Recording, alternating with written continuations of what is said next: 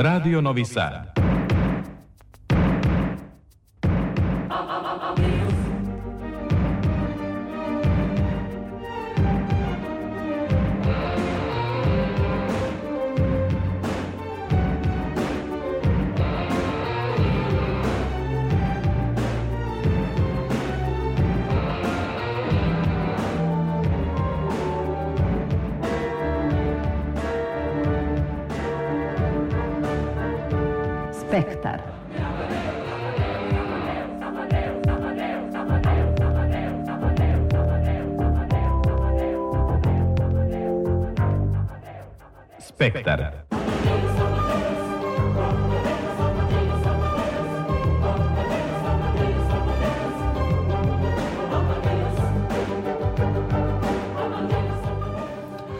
Dragi slušalci, dobroveče. Ja sam Ivana Maletin Ćorilić i želim vam dobrodošlicu u Spektar. Bliže nam se praznici, te i magazin za kulturu Radio Novog Sada polako poprima praznični ton. U fokusu večerašnje emisije biće dobitnici nagrada Udruženja filmskih umetnika Srbije, kao i Kulturnog centra Vojvodine Miloš Crnjanski, koje su uručene ove sedmice. Emir Kusturica predstavio je i u Novom Sadu roman Kad mrtve duše marširaju u izdanju Katene Mundi. Promociju romana Noć pre pada u reku u Prometeju imala je Dubravka Rebić. Treća konferencija o kreativnim industrijama na temu filmskih festivala i izdavaštva održana je u Privrednoj komori Vojvodine. Za spektar govori i Zoran Subotički, magistar književnih nauka i autor projekta Čudesni sve Dunđerskih, po povratku iz Beča, gde je učestvovao u programu Lenkino sazvežđe stazama Dunđerskih. Predlažem da ostanete uz magazin za kulturu Radio Novog Sada u narednih sati 15 minuta.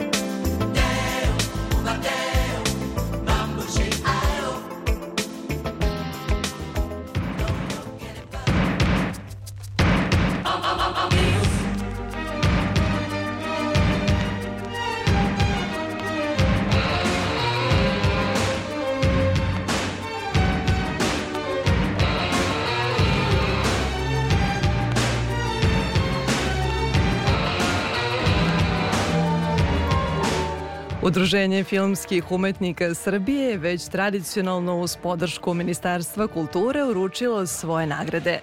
Nagrada za celokupno stvaralaštvo i doprinos srpskoj kinematografiji pripala je istaknutim filmskim i televizijskim rediteljima Branku Baletiću i Stanku Crnobrnji, montažeru Petru Markoviću i Branislavu Miloševiću, montažeru i reditelju dokumentarnog filma. Godišnju nagradu za filmsko stvaralaštvo u 2023. godini u kategoriji dugometražnog igranog filma ove godine dele Vladimir Perišić za režiju filma Lost Country i Matija Gluščević i Dušan Zorić za režiju filma Da li ste videli ovu ženu? Godišnja nagrada za filmsko stvaralaštvo u 2023. godini u kategoriji dokument, dugometražnog dokumentarnog filma uručena je Darku Lungulovu za režiju filma Ju grupa Trenutak sna. U kategoriji animiranog filma dodeljena je Veri Vlajić za režiju Avanture karikature. Memorialna nagrada Jovan Aćin za ostvareni domet u oblasti angažovanog dokumentarnog filma pripala je Ivani Todorović za režiju filma Na kraju puta. Naš kolega Goran Vukčević prisustvovao je svečanoj dodali nagrada u Aeroklubu, pa da poslušamo sa kim je sve od dobitnika razgovarao. E, imam veliku čast da sam u društvu e, Branka Baletića, dobitnika nagrade Udruženja filmskih umetnika Srbije za filmsko stvaralaštvo. E, veliki zaista opus, sjajan i u dokumentarnom filmu i putopisi je značajni bioskopski hitovi, a ne treba dalje, dovoljno je za sve generacije da kažem Balkan Express kao jedan od antologijskih filmova jugoslovenske kinematografije. Čestitam gospodine Baletiću. Hvala vam.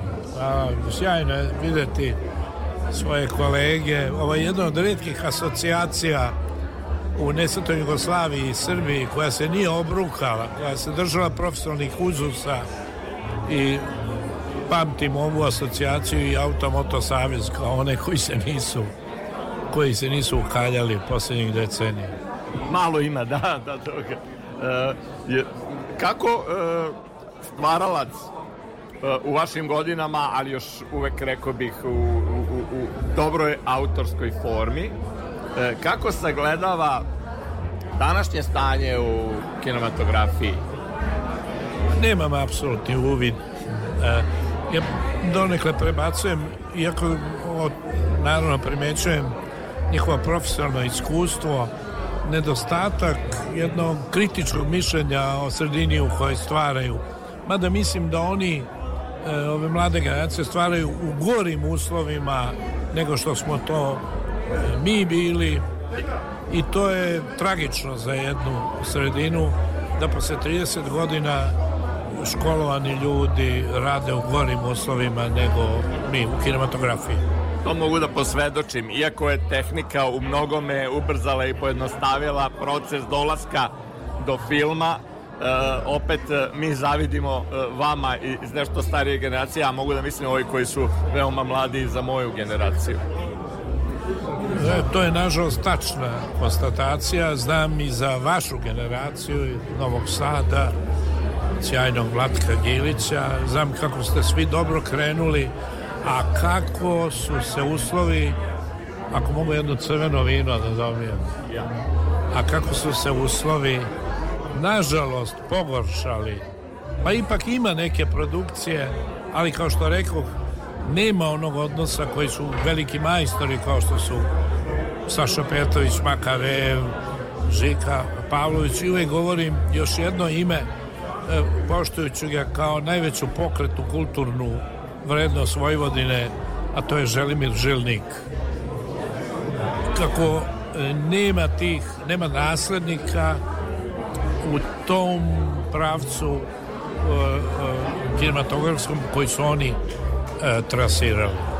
Da, vi ste radeći na domaćem filmu E, dostigli ono što mislim da je najznačajnije za autora, e, pre svega film, mislim na film Balkan Express, da film postane e, za nešto što će voleti sve generacije, što će ostati mnogo godina posle svih nas, što traje, što upoznaju ljudi i vole koji su se rodili mnogo godina posle snimanja. Šta mislite, zbog čega se danas uh, filmovi ne lepe za gledaoce uh, kao, kao recimo Balkan Express? Nije ista ni društvena atmosfera iz 80. godina kada je nastao taj film i danas. Mislim da smo mi živjeli u jedan srećnijem periodu tad i da su ljudi bili opušteni pre svega postala je dobra bioskopska mreža zato sam danas i to govorio o nestanku. Hvala o nestanku bioskopa u Beogradu. Pa i nema gde ljudi da vide te filme. Uzgred ja izbegavam kad vidim na ekranima da se vrti Balkan Express. Izbegavam da gledam film jer od stotinak ljudi sjajnih saradnika to je kolektivni čin bio na kraju ne bi uspio da napravim takav film da nije bilo toliko majstora oko mene. Od tih stotinak ljudi živo je, živo je petoro šestoro. I to je sam jedne sete i tuge nešto što obeležava. Ali me danas ovde dirnulo susret s velikim majstorima i vraća mi poverenje da ćemo možda nešto uspeti još da uradimo. Baš zato sam im i rekao da kad uh, gledam u montaži neke filmove primetim sjajan rez ili sjajan frame neče slike ili rejtersko i dramaturško rešenje, ja viknem bravo majstori, ljudi misle da sam lud. Ne, ja samo prepoznajem nešto što je profesionalno i fantastično urađeno. I susret s ovim ljudima danas ovde me uverio majstor da su uvijek živi pa sam zato i viknuo bravo majstori uživo Da, divno je što se uh, divite svojim kolegama, što se osvrćete na velike domete koji su stvoreni na ovim prostorima. Ja vam želim uh, dobro zdravlje, gospodine Balitiću, i, i, i dug vek i, i, još uh, nekih dobrih stvari filmskih da uradite. To će sigurno biti, ne brinite. Hvala, izuzetno mi je drago. Dušan Zorić i Matija Gnušević, dobitnici godišnje nagrade za film Da li ste videli ovu ženu? Film koji se zaista izdvojio i po kvalitetu i po mnogim drugim osobenostima ko nije stigao da pogleda do sada neka prvom prilikom pogleda jer zaista takav film još uvijek nije video. Iskrene čestitke Dušane hvala. i Matija. Hvala, hvala puno. E, Dušane, kako sad ti vidiš ovu filmsku godinu u kojoj ste ipak postigli ogroman uspeh? Mislim, nama je bilo dosta značajna. E, dosta smo putovali, išli na mnoge festivale, delili taj film sa publikom, to je nekako trajalo čitavi godinu dana i evo sad se privodi kraju, to je završava se.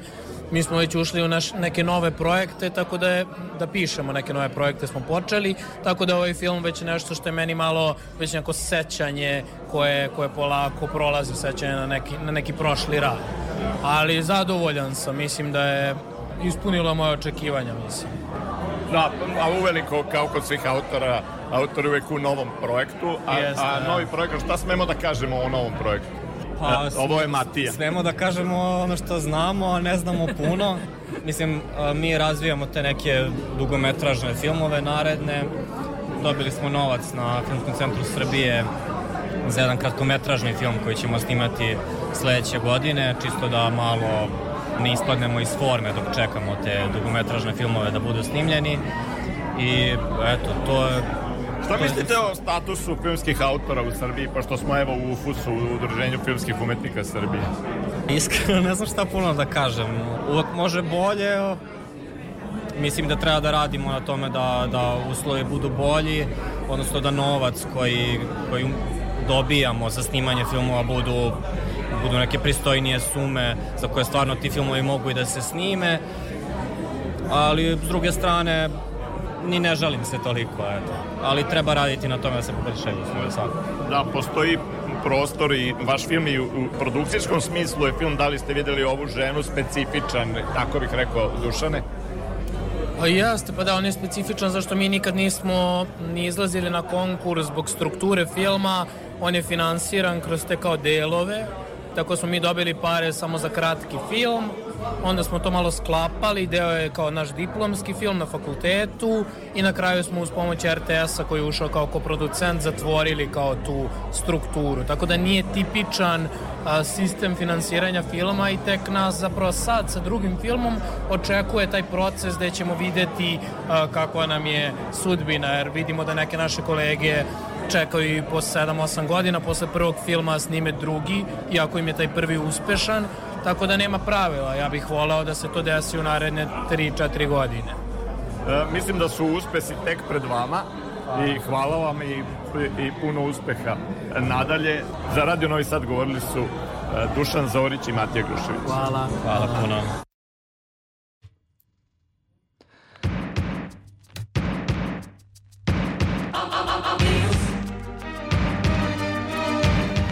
Film Da li ste videli ovu ženu biće prikazan sutra na osmom festivalu snimateljskih ostvarenja Slika u pokretu. Festival su otvorili večeras u Kulturnom centru Novog Sada čuvari formule Dragana Bjelogrlića. U dva festivalska dana biće prikazano šest dugometražnih igranih filmova koji će se takmičiti za nagradu za najbolji snimateljski rad. Tročlani stručni žiri čine direktorka fotografije Jelena Stanković, Predrag Pega Popović i Jon Kristijan Ruzenlun.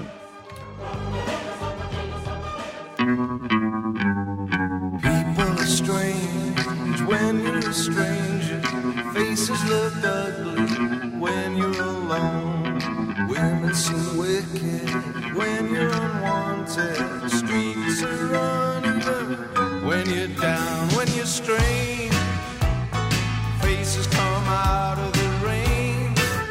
when you're strange. No one remembers your name when you're strange.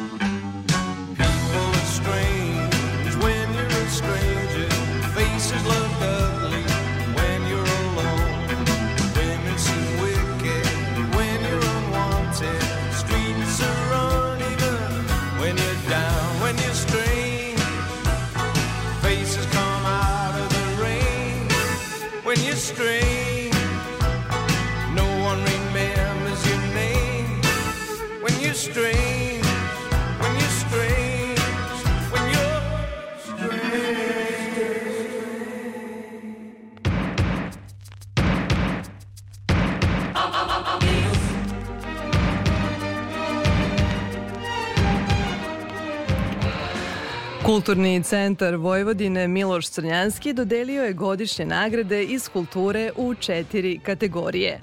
Svečanost je upriličena u vladi autonomne pokrajine Vojvodine.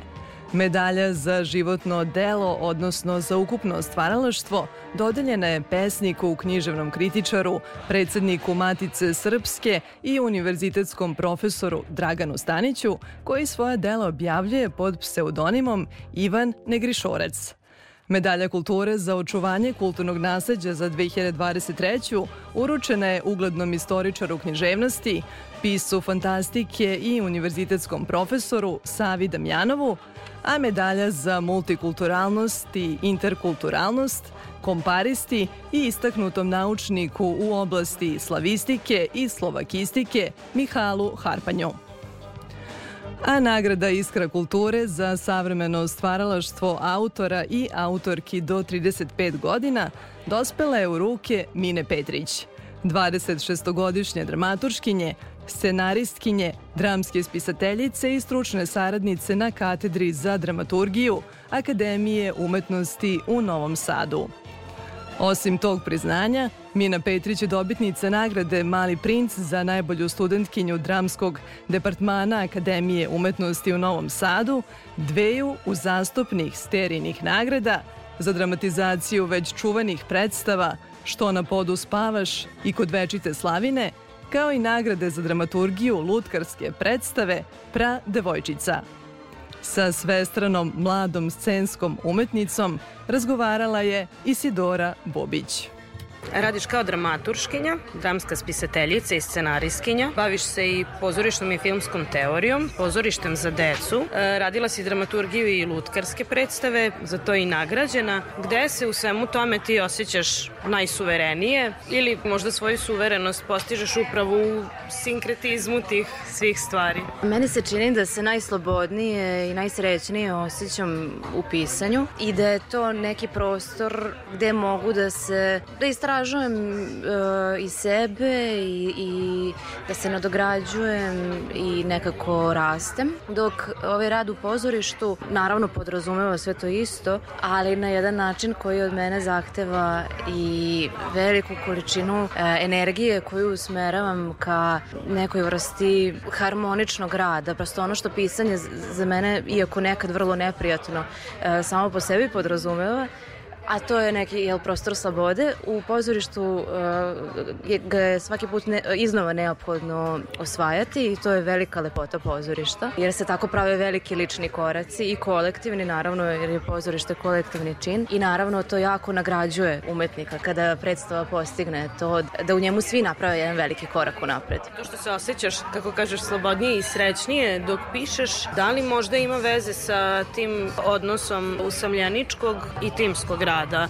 Da li možda moraš više pažnje da obraćaš na ljudske odnose i na taj... Klima glavom. Definitivno. Mislim da to najviše ima veze sa tim što sam ja ekstremni introvert i umem nekad da se isfoliram da ja kao super podnosim e, rad u kolektivima i slično i ja zaista volim da radim u pozorištu i volim da radim u kolektivu i to ima svoje velike prednosti i nagrade, ali je to isto jedan prostor nesigurnosti za mene. Ne mogu da kažem da se u pisanju osjećam e, super sigurno i srećno, ne naravno, prazna stranica je nešto najstrašnije na svetu, ali opet to je polje u kom se čovjek bori sam sa sobom. To je vrsta neprijatnosti u koju volim da se dovodi. Interesantan mi je taj odnos spisateljice i dramaturškenje u tebi, pa bih te pitala kada pišeš e, dramski tekst, e, da li imaš na umu sebe kao dramaturga, naravno ne mislim egoistički, nego nekako imanentno da to prosto proizilazi iz tebe, da razmišljaš paralelno i o tome kako bi ti sada to dramatizovala i kakav je taj odnos tvoj, na primjer, kao spisateljice, poverenja u dramaturge? E, mislim, kada pišem da uopšte ne zamišljam scenu. Interesantno. da, e, ne režiram u glavi e, predstavu koju pišem, zapravo teško mi je i da zamislim, kad čitam iznova svoj tekst, teško mi je da, da zamislim kako bi se to postavljalo i, i ne volim u to da se mešam. Mislim da bih dozvolila sebi možda dramaturški rad na nekim starim svojim tekstovima e, u kojima, prema kojima više nemam nikakav emotivni odnos i u kojima osjećam gde je moguće nešto popraviti, nešto menjati, nešto nadograditi, dekonstruisati šta je sad već rediteljska ideja, dok u, u tekstovima koji su skorije nastali ne bih ni za živu glavu pristala da radim kao dramaturg, jer ipak mislim da dramaturg mora da ima to neko e, opet polje slobode, da nema strahopoštovanja sprem pisca, što naravno ne znači da se ne odnosi sa poštovanjem prema tekstu i predlošku. I sve više shvatam da je teško i kad si dramatizator i dramaturg da e, učestvuješ ravnopravno i u jednom i u drugom delu. Uvek će jedna od te dve uloge patiti. Možemo slušacima da približimo tu razliku dramatizatora i dramaturga. Naravno, ja u poslednje vreme razmišljam kako bi bilo super osnovati neko udruženje a, dramaturga i dramskih pisaca Vojvodine, pošto imamo udruženje dramskih umetnika Vojvodine koje odlično radi svoj posao, kome bi jedna od prvih zadataka bi, e, jedan od prvih zadataka bio upravo taj da napravi jedan proglas u kom se objašnjava šta je dramatizacija, šta je adaptacija, šta je dramaturgija, da i naša pozorišta se podsete i, i da nemamo problema oko potpisa uvek i tih uloga i to su naše kolege u Hrvatskoj odlično uradile sa Spidovim cenovnikom, gde su naravno sve, te uloge i dobile adekvatan raspon cena u tom. No to je već korak dalje, idem predaleko. Dakle, e, dramatizacija je e, dramsko delo koje nastaje na osnovu predloška koji nije dramski. On može da bude prozni, poetski, dokumentarni. U dokumentarnom već zalazimo u dokumentarni teatar, tu možda i ne bismo mogli govoriti o dramatizaciji, osim ako je u pitanju knjiga kao predložak, to je siva zona. Dok je dramaturgija rad u samom procesu e, stvaranja pozorišne predstave e, koji najviše podrazumeva rad na e, tekstu, odnosno na priči. Zanima me kakav je odnos dramaturga i reditelja u kontekstu priča svačoj slobodi, ali kakav je odnos, znamo da reditelj mora da sarađuje i sa kostimografom i sa glumcima i sa majstorom svetli, tako da, da li se i dramaturg bavi time? Mislim da je to jako vezano za pojedinačne saradničke timove, jel? Ja kao dramaturškinja ne volim da zalazim u tuđ posao. Naravno, kad sam pitana, to je uglavnom prilikom razmatranja koncepta buduće predstave i slično, ovaj, dramaturg takođe daje sud o svemu što ima veze sa, sa značenjem koje može da proistekne iz toga kako je oblikovana scenografija, kostim i slično. No, to i, ne, mislim, on to i ne mora da čini. Zavisi koji uh, odnos ima sa rediteljem. E sad, taj teret, pa i najveća odgovornost stvaranja jedne predstave naravno e, leži na reditelju i kakav će odnos biti uspostavljen između reditelja i saradnika možda najviše zavisi od toga koliko je reditelj spreman da stvori harmoničnu atmosferu. Mislim da sam imala tu sreću da radim u brojnim procesima koji su bili vrlo nagrađujući u tom smislu i, i nekog međuljudskog povezivanja, e, lepe saradnje i slično i mislim da me i u budućnosti negde čeka puno lepih saradnji e, sa ljudima sa kojima sam već radila i sa ljudima sa kojima nisam, zato što mislim da se uh, jel, slično sličnom raduje i da se nekako prirodno stvaraju te veze u, i raskidaju jel, u pozorištu e, da se ljudi prosto da osete senzibilitete jedni drugi. Jel bi mogla sada da smogneš snage da nam ispričaš kako je doslovno tekao stvaralački proces tvoj e, za neku od e, dveju predstava koje si dramatizovala za koje si dobila sterijene nagrade od momenta kada si imala tekst u svojim rukama do same realizacije? Vrlo rado. Pričat ću o procesu predstave Što ono podu spavaš zato što je on zaista mislim bio specifičan i, i na toliko načina e, značajan za mene. To je predstava koju je režirao Kokan Mladenović prema romanu e, Darka Cvjetića i ono što je odmah specifično za dramatizaciju te predstave jeste da je ona zaista u, u nekom smislu bila kolektivna. Ja sam taj roman pročitala, naravno kad sam se čula sa Kokanom, dogovorila saradnju. To čitanje je proteklo tako što sam preplakala roman. A, I jako sam se tada bila zabrinula, bože, kako ću ja na ovome da radim kad, kad ovoliko emotivno reagujem na tekst. To u nekim situacijama može da bude i, i vrlo korisno. No ja kako sam štreverka i volim da imam kontrolu nad svime zapravo u procesu rada, tako su me te emocije nekako uplašile. A onda pogotovo kad sam čula da će Darko biti jedan od učesnika, pa i u celom procesu, a i u uh, izvođenju predstave. Kada su se spojila tri ansambla koja su uh, radila na predstavi, u pitanju su ansambl uh, pozorišta Gavela iz Zagreba, Narodnog pozorišta Sarajevo i Srpskog narodnog pozorišta. I kad smo svi seli zajedno za sto i uh, pročitali roman, Dakle, dramatizacija nije, nije rađena unapred. U proces smo krenuli čitajući i svi zajedno prošli kroz isto to plakanje i tako se odmah povezali. Predivno. Stvari su počele jednostavno same da se otvaraju. Ljudi su se brzo oko te vrlo bolne teme za sve tri zemlje uključene. E, e, vrlo e, brzo su se prevazišle možda neke predrasude i e, neprijatnosti. Toliko brzo da mogu kažem da ih prosto nismo ni, nismo ni došli do trenutka da osjećamo bilo kakvu neprijatnost, jer su ljudi odmah počeli tako divno i otvoreno da sarađuju, našavši se u tom Darkovom tekstu i u Darkovom opusu generalno, u Darkovoj ličnosti koja je uvek bila prisutna sa nama e, i čiji smo svet intimni, budući da je taj roman autobiografski u velikoj meri.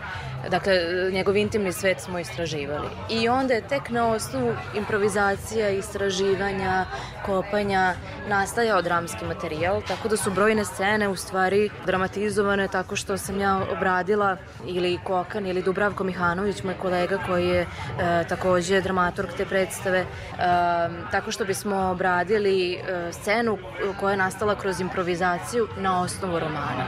I toliko je lepo što je predstava upravo tako nastajala, jer je ona onda, ne, ne volim da koristim reč proizvod u kontekstu predstave, ali onda krajnji, pomozi mi, Ishod. ishod, tako je našeg rada, u pravom smislu e, kolektivan, organski, jer su samo ti ljudi koji su u njemu učestvovali mogli da naprave tu predstavu, da je makar jedan član ansambla bio drugi, to bi bila druga predstava. Verujem da bi tako svaka predstava i, i morala funkcionisati, da nju tvore ljudi uključeni u proces. Ne nekakva ideja ili gvozdeni koncept koji ne može da se poremeti. I sada kako se ona igra već baš dugo, imam utisak kao da smo je juče završili u stvari na godinu i po dana, ona živi. Ona se iz svakog igranja unapređuje, zato što glumci nastavljaju da je osjećaju kao živi materijal, ona raste, nadograđuju i meni je veliko uživanje, iako uglavnom mi je teško pada da gledam svoje predstave jer primećujem tako ja,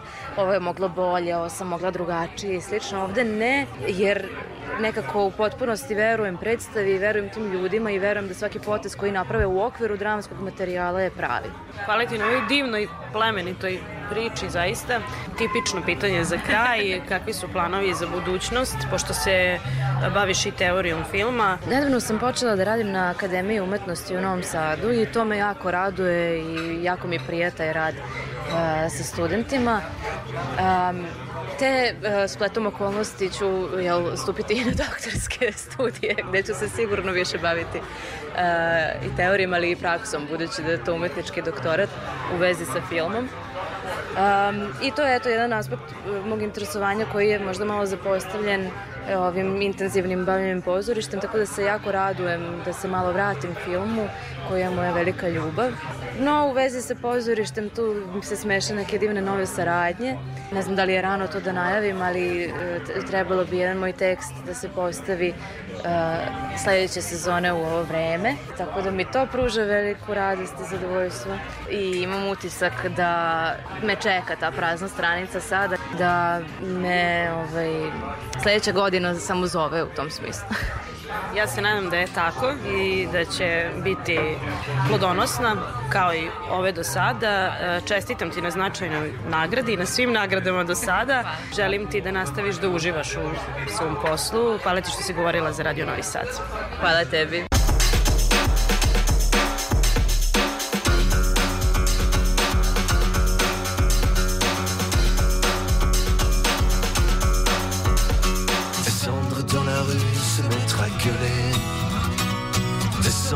Descendre l'avenue jusqu'ici. Faire entendre nos voix, la liberté. Sais-tu combien de temps ça nous a pris? Il y a tant de choses que tu n'as jamais comprises. Une usine, vie qui se brise. Quelques cons délocalisent, tout va bien, toi tu ne dis jamais rien. Mais je suis fatigué.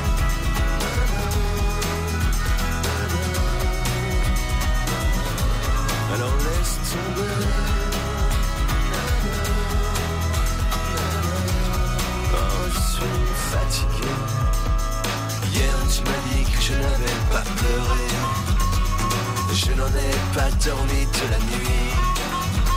Suis-je vraiment ce mec fatigué qui t'ennuie Qui n'apporte plus grand chose à ta vie Il y a tant de choses qui ne t'ont jamais touché Un fusil, une rose à pavé Quelques cons qui te méprisent, tout va bien Toi tu ne fais jamais rien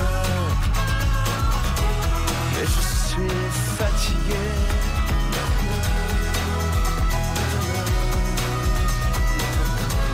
Alors laisse tomber.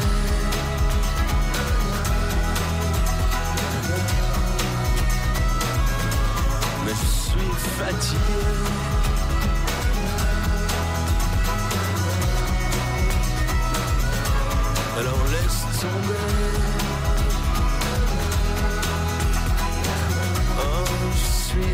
Fatigué.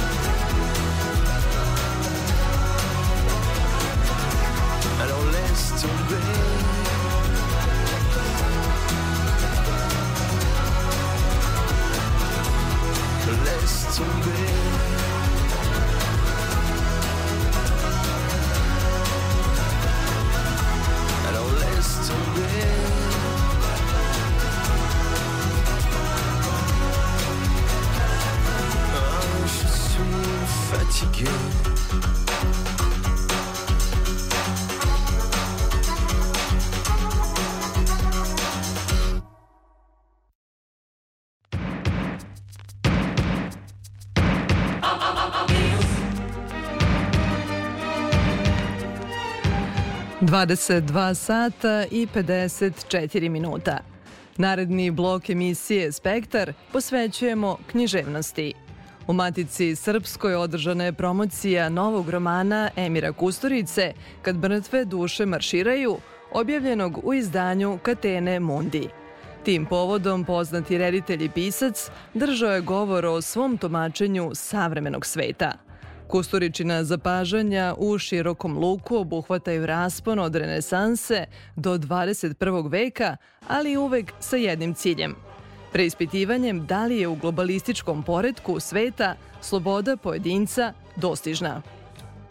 Čitava planeta gori ne od viškova pameti, istinoljublja ili ideje pravde, nego gori od sunčevih pjega, pa se onda stvara čitava teorija da jedan prirodni proces koji je primjećen recimo prije 4-5 godina u Americi, u Nevadi, gdje su indijanci gledajući neku osovinu za koju su pretpostavili da je zapravo za jedno 3-4 stepena zemlja ispala iz svoje ose, rekli to predstavnicima NASE, a onda su ovi iz NASE odmahli rukom jer to nije njihov domen. Dakle, to što je zemlja ispala iz ose, to se njih ne tiče. Ali oni će svoju nauku da razvijaju u onim segmentima i onoj fragmentarnosti u kojoj se odvija današnji život. S tim u vezi treba vjerovati da će svitanje doći odloženo. Jer svitanje ne može da dođe bez procesa koji su davno započeti.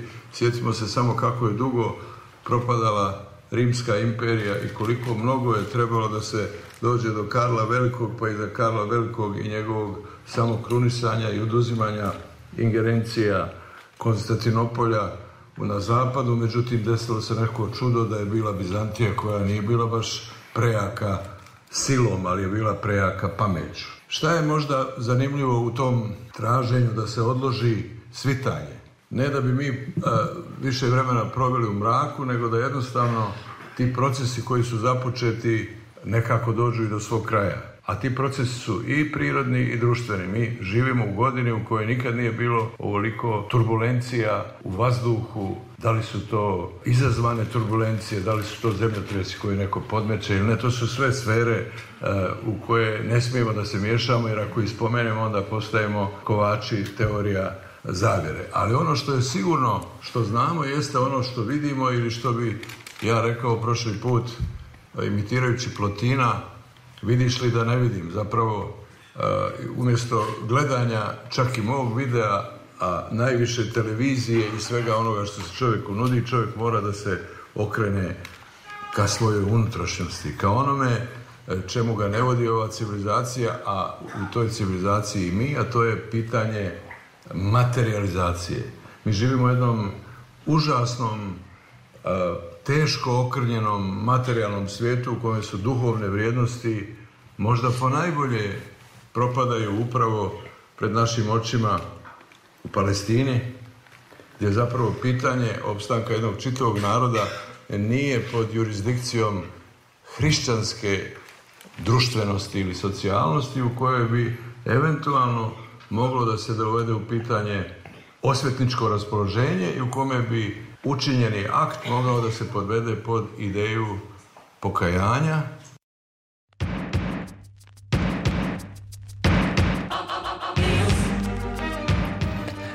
Dubravka Rebić objavila je drugi roman Noć pre pada u reku, isto u Novosadskom Prometeju.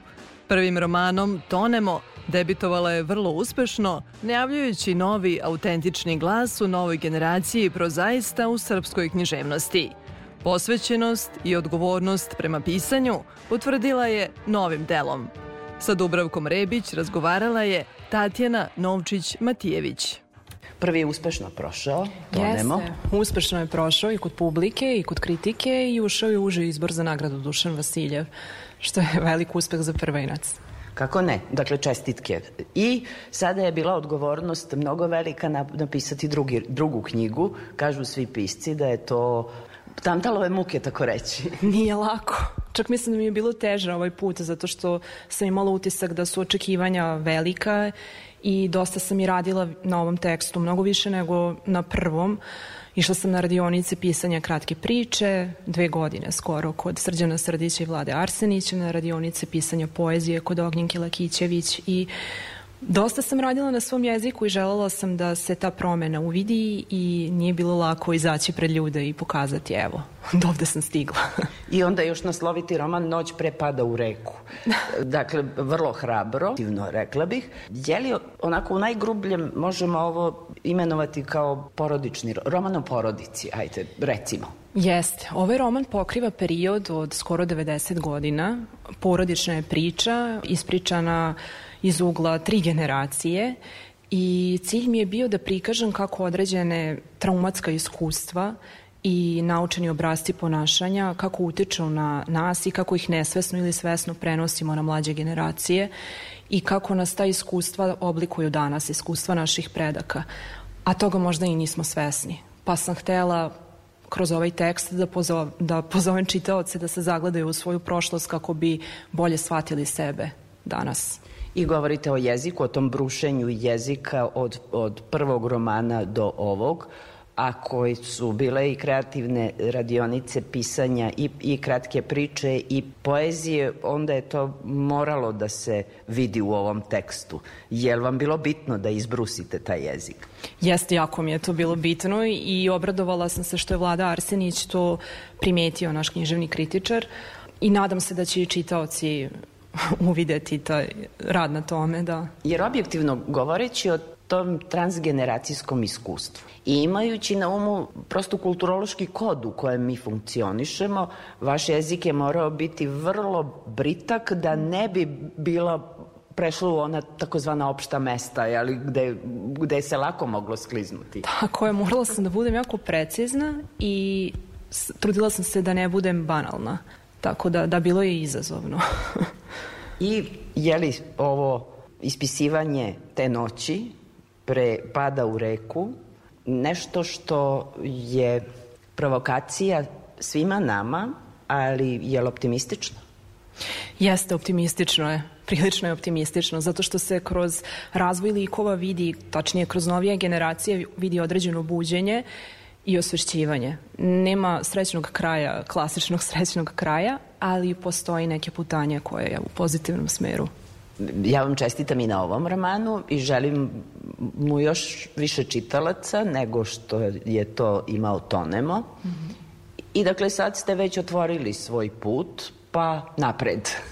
Hvala vam. I ovim putem želim da pozovem novoseđane da dođu na predstavljanje knjige koje će se održati sada u subotu u 19 časova u galeriji Prometej a tom prilikom će se održati izložba fotografija naše umetnice Marija Mandić, porodične mitologije. Pa smo nas odlučile da zajedno predstavimo radove jer je poruka vrlo slična.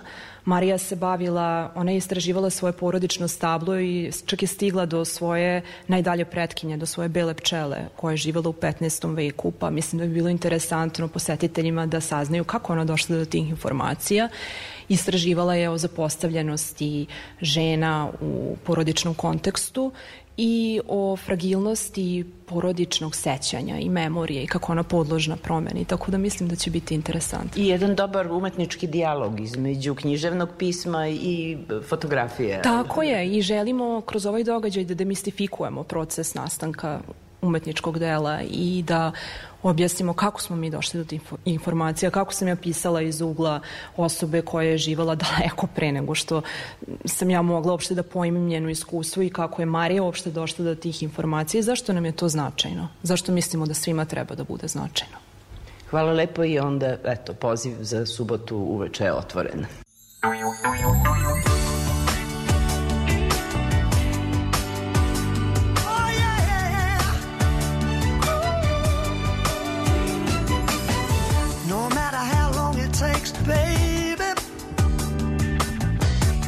never be a day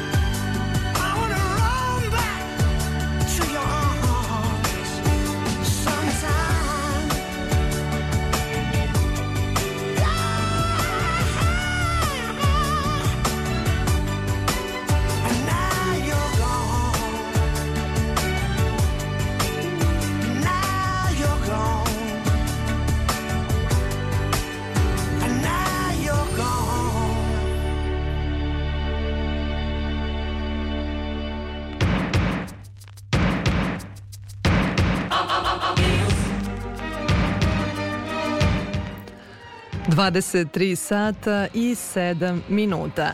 Pratite Spektar, magazin za kulturu Radio Novog Sada. U bečkom hotelu Bristol, u kojem je poslednje dane života provela Lenka Dunđerski, organizovan je program Lenkino sazvežđe stazama Dunđerskih. Projekat Srbobranskog doma kulture podržala je opština Srbobran kao i pokrajinski sekretarijat za kulturu, informisanje i saradnju sa verskim zajednicama. Realizovan je u saradnji sa Maticom Srpskom i Centrom za afirmaciju kulturnog nasleđa Dunđerskih uz podršku lokalnog partnera u Beču, a kulture. O projektu koji je obuhvatio tri grada i predstavi od raja do Beznjenice razgovarali smo sa magistrom književnih nauka i autorom projekta Čudesni svet Dunđerskih, Zoranom Subotičkim. Predstava od raja do Beznjenice godinama se izvodi u ustanovama kulture, dvorcima i izdanjima od kulturno-istorijskog značaja. Čini mi se da je vrhunac projekta Čudesni svet Dunđerskih koji ste pokrenuli 2015. godine, njeno igranje u hotelu Bristol u Beču, gde je Lenka provela poslednje dane svog života, kako je došla do organizacije Lenkinih dana i na kakav odjek je predstava naišla?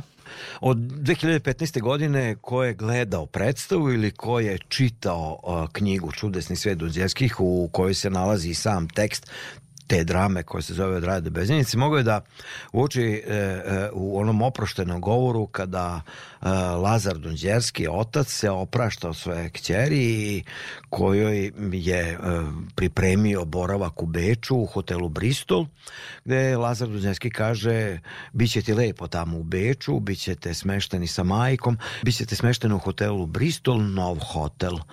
I zaista je hotel Bristol u to vreme bio najluksuzniji hotel izgrađen je 1893. godine. Uh, ova moja radnja se događa 1895. godine pred put Lenkini Sofije njene majke za Beč one odlaze uh, u taj hotel i uh, nažalost nakon samo dve ili tri nedelje uh, tifusna groznica je pokosila Lenku Donđerski i ja sam to uneo u samu dramu i pišući dramu već te 2015. godine i radeći na njoj ja sam negde zamislio kako bi bilo sjajno odigrati predstavu u hotelu Bristol otišao sam naravno na internet vidim kako to izgleda jako mi se dopao hotel sa nekoliko predivnih sala koje bi bile potpuno adekvatne za ovu moju dvorsku kulturu Vojvodine. I evo desilo se posle 8 godina sticem pozitivnih i dobrih okolnosti. Ja sam još tada u svom projektu Čudesni svet Donđerski e, naveo e, određene momente važne koji se tiču afirmacije tog kulturnog nasleđa. Pa jedna od stavki je i povezivanje gradova i opština u kojima su Donđerski ostavili nekoga traga. Naravno, jedan od uh, prvih gradova ili varoš ili opština sa kojim sam ja uspostavio jako dobru i kvalitetnu saradnju, već od te 2015. godine je opština Srbobran iz razumljivih razloga, zato što su porodica Donđerski, ali tako, prosto ponikli, bar ovu porodicu koju mi pratimo i znamo, počeci njihovog uspeha i uspona počinju upravo u Srbobranu. I Srbobran na jedan vrlo lep način održava e, tihu, ali lepu vatru sećanja na tu porodicu, e, pre svega zahvaljujući e, e jednoj e, gospođi koja se zove Božana Stojko, koja godinama e, neguje i održava tu vatru uz pomoć manifestacije, koja je neka njena ovako tvorevina, rekao bih, ovaj, ideja, koja se zove Lenkin prsten. I sada nakon evo osam godina sticajem raznih okolnosti susrele su se razne ideje, motivacije, ideje da je Srbobran konkurisao za e, dobijanje sredstava od pokrajine svoje opštine za projekat Lenkino sazvežđe stazama Dunđerskih. Projekat podrazumeva promociju porodice Dunđerske, afirmaciju te porodice u tri grada, Beograd, Budimpešta i Beč. I mi smo u sva tri grada, dakle Beograd, Budimpešta, Beč, e, imali ili jednodnevni, ili dvodnevni, ili trodnevni program koji se sastojao iz prezentacije prezentacije i promocije Lenkinog prstena kao manifestacije, e, e, zatim saradnje Matice Srpske opštine Srbobran e, na organizaciji konferencije, izdavanju dva zbornika, interesantna, vrlo važna i dobra zbornika o samoj porodici Đurđevski i naravno kao važan segment čitog tog projekta jeste bila i naša predstava koja onako neskriveno to mogu reći predstavlja ipak najzanimljiviju stvar publici zato što je reč o prosto jednoj dramskoj predstavi koja ima svoju neku emotivnu konotaciju jaku tako da je to bilo sjajno znači Beč je bio e, vrhunac ove neke naše e, ajde rekao bih i zajedničkog puta opštine Srbobran i e, projekta Čudesni svet Donđevski tako da je to bilo sjajno publika je reagovala izvanredno dakle mi smo Predstava bili je šo... zatvorila manifestaciju Tačno, Lenkini dani tačno. u hotelu Bristol Tako je, i naišla tako. na odlične reakcije. Tako je, da, reakcije su bile fantastične. Dakle, e, e, suze, ta vrsta emocije, e, e, tuga, seta, to je što se podrazumeva, ali tako je jedna publika e, koja je zbog samoga mesta, e, istorijske konotacije, čitavog događaja, te drame, da imate onako umetničku lenku koja se ponovo nalazi u Bristolu, u kojem je ona stvarna lenka e, umrla. E, e, prosto je e, sa, sa, sam događaj po sebi već bio tužan, a sama predstava naravno izaziva burne emocije, tako da je publika izuzetno reagovala. Pola sata su čekali u redu da se slikaju sa našom Lenkom, sa Lazom, sa Lazarom. Dakle, bilo je jako lepo. Nakon knjige Čudesni svet Donđerskih u kojoj ste objedinili svoje četiri dramska teksta o porodici Donđerski i o Lazi Kostiću i o toj njegovoj velikoj ljubavi sa Lenkom, na sajmu knjiga predstavili ste novo izdanje posvećeno Donđerskima, e, knjigu za večita vremena, testamentarno zaveštanje Bogdana Donđerskog. Na čemu se ona zasniva? To je neki moj lični dug i mojih prijatelja prema Bogdanu Donđerskom. Dakle, ja sam rođeni Bečejac i na neki 10-15 km faktički sam odrastao uz taj dvorac ili u tom dvorcu. I znam sve njegove mene i kad je bio napušten i zapušten i kada je izgledao kao da se snimaju gričke vještice od neke u tom, u tom dvorcu. Dakle, kao neka kuća duhova do njegove e, restauracije, rekonstrukcije od strane Bečeja, pa sve do sada, nažalost, e, kada je taj dvorac napušten već evo treća četvrta godina i kada nanovo propada. E, naprosto je za mene nešto to e, nedopustivo i mislio sam da u najmanju ruku šta možemo da uradimo je da objavimo knjigu i da skrenemo pažnju javnosti na jedan dragulj naše kulturne istorije i arhitektonskog jednog značaja, jedan, jedan veliki prostor na kraju krajeva i sećanje jednog velikog čoveka. Dakle, i onda sam sabrao njegova dva testamenta, Bogdan je napisao dva testamenta. Jedan 918. godine, onom nacionalnom ushićenju, e, ispred njegove kuće je bukvalno bila poređena srpska vojska, on e, ima kuću u centru grada, između dve, e, tu na- naspram dve crkve, katoličke i pravoslavne, tu se u centru grada postrojila srpska vojska 918. godine i on tom nekom nacionalnom ushićenju seda i piše testament i to pre 25. novembra, pre onoga, pre odluke o prisjedinjenju Vojvodine ovaj, ovim našim prostorima, je tako, Srbiji, ovaj, i e, on pravi testament e, koji danas bi on, e, se modernim jezikom nazvao testament koji podržava mobilnost mladih. Dakle, on nije želeo da ostavi svoje imanje, svo i zemlju za finansiranje i školovanje siromašne dece, jer rekao je to rade mahom sve zadužbine. On će da bude drugačiji. I onda je rekao, ne, nakon fakulteta mladi Srbi će odlaziti u velike gradove, u značajne univerzitetske centre, gde će se dalje obučavati, e, e, skupljati znanje i iskustva i sa tim znanjem i iskustvom se vraćati u svoju otačbinu i vratiti to svoje otačbini. Dakle, to je testament iz 918. godine, fenomenalan testament. Šta se događa? Događa se agrarna reforma, njemu uzimaju zemlju, on je kivan na novu državu, kivan je naravno na dinastiju Karadžorđević, kivan je na crkvu koja nije stala uz njega, nego se priklonila vlastima u Beogradu, iako su Dunđerski bili tekako veliki ktitori Srpske pravoslavne crkve. I on 1940. godine, dakle u Praskozori, u osli drugog svjetskog rata, piše Novi testament. To je godina kada je umrla i Mara Đalinac, njegova velika ljubav, koja je bila nadzornica fantasta, nadzornica imanja e, i njegova naložnica, velika ljubav, je tako? Tako. Dakle, on piše Novi testament i taj novi, tim Novim testamentom Bogdan Dunđerski ne ostavlja to Karlovačkoj eparhiji, ne ostavlja pravoslavnoj crkvi i tako dalje, nego sve svoje imanje ostavlja Matici Srpskoj, e da bi ona napravila zadužbinu koja bi imala zadatak da osnuje i otvori na u dvorcu Fantas da otvori poljoprivrednu akademiju. Sad zamislite 1940. godine, zamislite da se to dogodilo i da se to desilo. Da usred ravnice mi imamo jedan Oxford za poljoprivredu, za zdravu hranu, za zdrave načine života, za zelene ekonomije, za ne, mislim, jedna neverovatna ideja jednog čovjeka iz 1940. godine, ja sam rekao, dug prema njegovoj ideji prosto nalaže da se ova knjiga objavi, da se pojavi i ona se sastoji dakle od ta dva e, testamenta. E, zatim e, tu je moj tekst koji se odnosi na tumačenje tih testamenata. Drugi tekst je e, tekst e, Jelene Veselinov e, iz Matice Srpske koja se bavila pravnim aspektima te rašomonijade i tog, tog lavirinta od oduzimanja 45. 6. godine do dana današnje kada ta imovina nije vraćena Matici Srpskoj. I treći tekst je e, našeg kustosa e, e, Nemanje Karapandžića iz Bečeja, kustosa Bečejskog muzeja koji govori o e, gradnji kapele, o e, ikonostasu, o prijateljivanju Uroša Predića i Bogdana Duđeskog, o gradnji samoga, samoga dvorca. Dakle, jedna vrlo zanimljiva i interesantna knjiga koja e, faktički treba da drži na nekako na obzorju e, jednu veliku i ozbiljnu ideju sa kojom je Bogdan Duđeski izašao 1940. godine. Znate, testamenti su jedna posebna vrsta literature. Svi mislimo da smo besmrtni, ali nažalost nismo.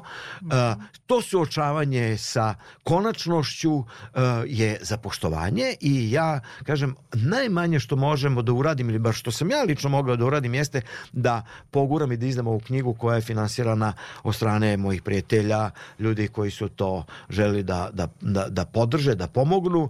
Naravno, e, e, Nenad Šaponja, vlasnik i direktor izdavačke kuće Agora je e, to prepoznao kao važno izdanje i tako da je knjiga osvanula evo pred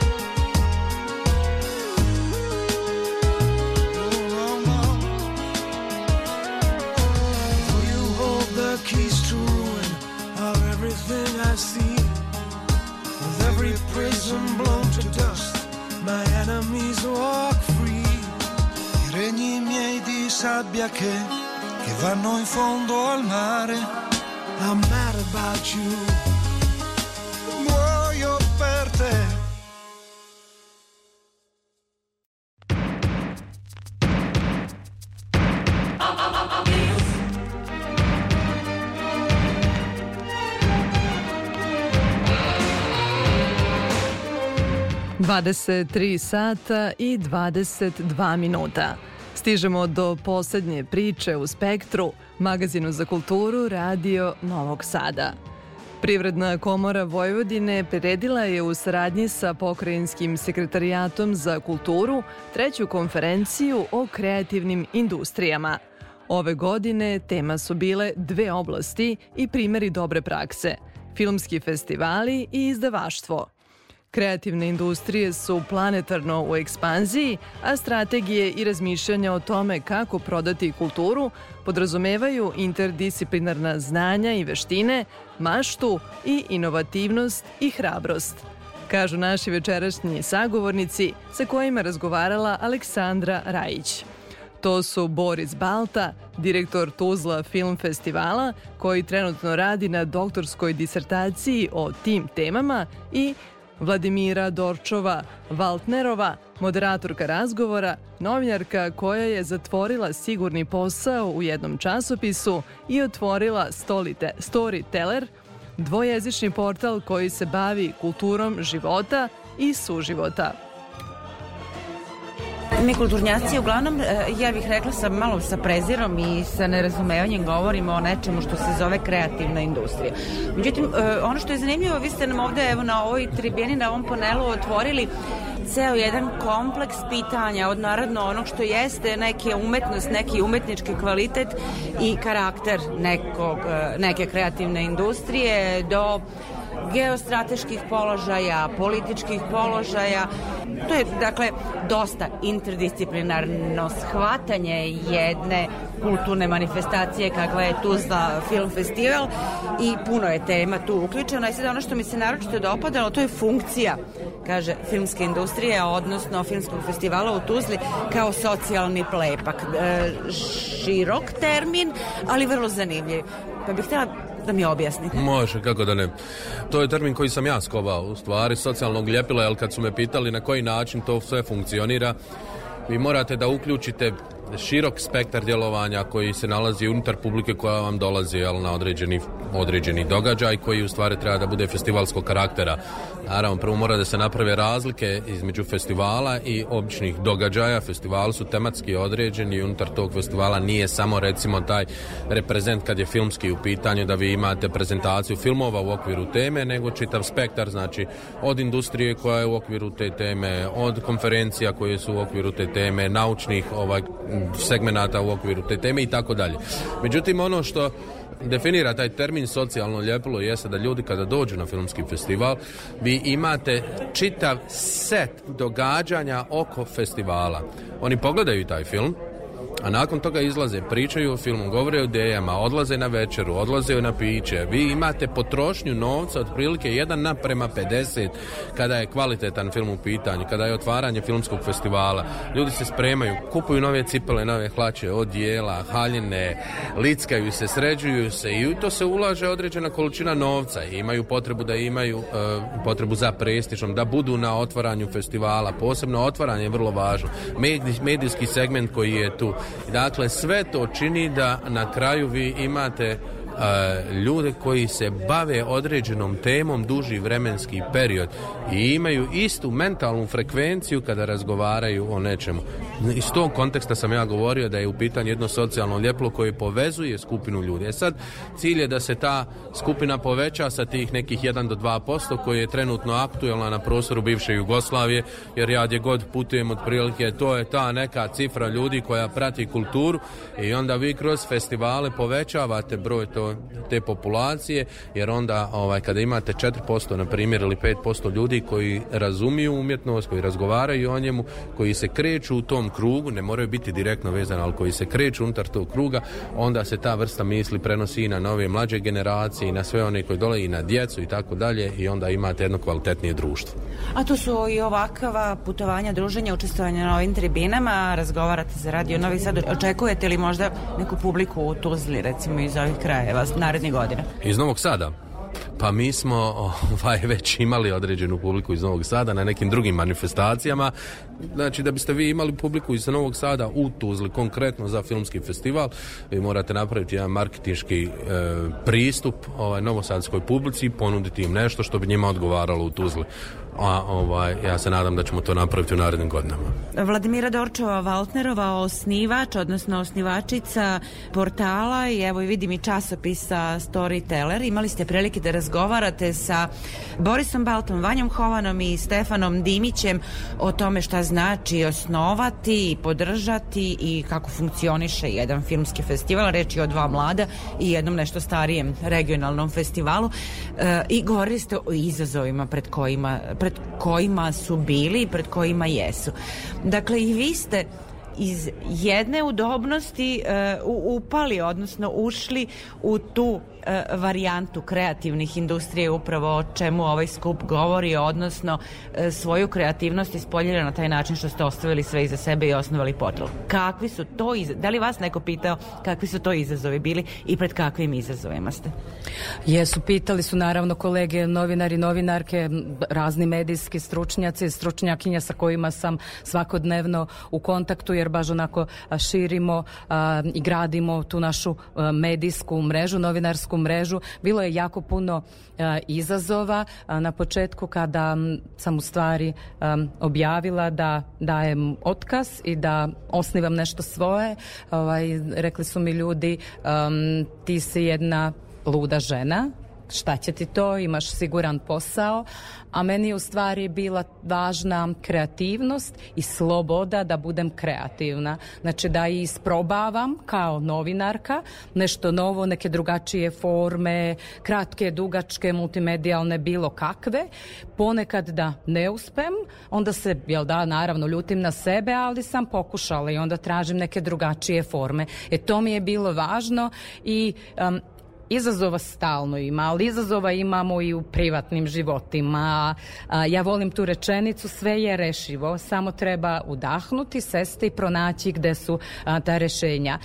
Sada zvučim kao neko ko je jako smiren, ne, ja prvo puknem, prvo paničim, a onda tek sednem posle par minuta i napišem sebi moguća rešenja. Ako ne napišem sama, onda imam ljude kojima, koje imam poverenje da imaju neku super ideju kako nešto rešiti. E, Portal, ako sam dobro shvatila, bavi se naravno životom, bavi se kulturom, ali u jednom, i, i u onom užem smislu, ali i u jednom širem smislu.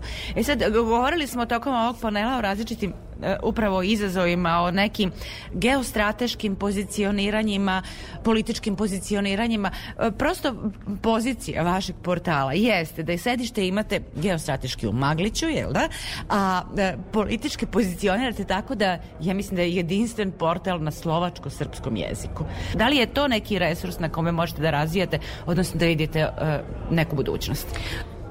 U pravu ste u potpunosti jer to jeste resurs i to je ideja koja je definisana na početku. Decentralizacija ili... I decentralizacija i širenje vidika, ono širenje konteksta, pokazati, ne pokazujemo samo mi Slovaki i Slovakinje, a, da, da se ne lažemo, uopšte nije to, nego ali je, da. jeste nam važna, važno da pokažemo slovačku zajednicu da je ona i nešto drugo osim pevanja i igranja i a, mi kao kad nas pitaju kakvi ste vi mediji, pa reku lokalni, regionalni i univerzalni, ono kao kozmopolite smo, jer u stvari a, a, pričamo priče koje se tiču skoro svakog čoveka, možda iz, ne znam, zajednice marginalizovanih, um, iz zajednice nacionalnih manjina i tako dalje i tako dalje, kao to neko segmentiranje zajednica ili ciljnih grupa, ali pričamo ljudske priče. Znači, uvek je čovek u fokusu i naravno a, da, da koristimo i stručnjak i stručnjakinja, ali pričamo te ljudske priče koje se dotiču svih nas, o problemima, lepim stvarima, izazovima i to je to što uz to, tu dvojezičnost nas na, on pozicionira vrlo odlično jer nas u celom našem regionu, znači Zapadni Balkan, tako mali mediji već prepoznaje. Znači, zna se kad neko kaže ja sam novinarka storytellera, pa kao znam, poznajem tvoju koleginicu ili nešto slično.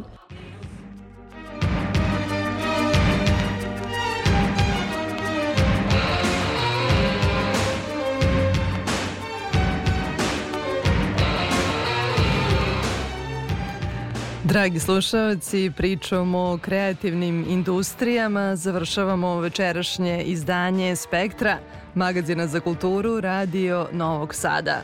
Moje ime je Ivana Maletin Ćorilić i u ime ekipe koja je realizovala emisiju želim vam prijetan vikend.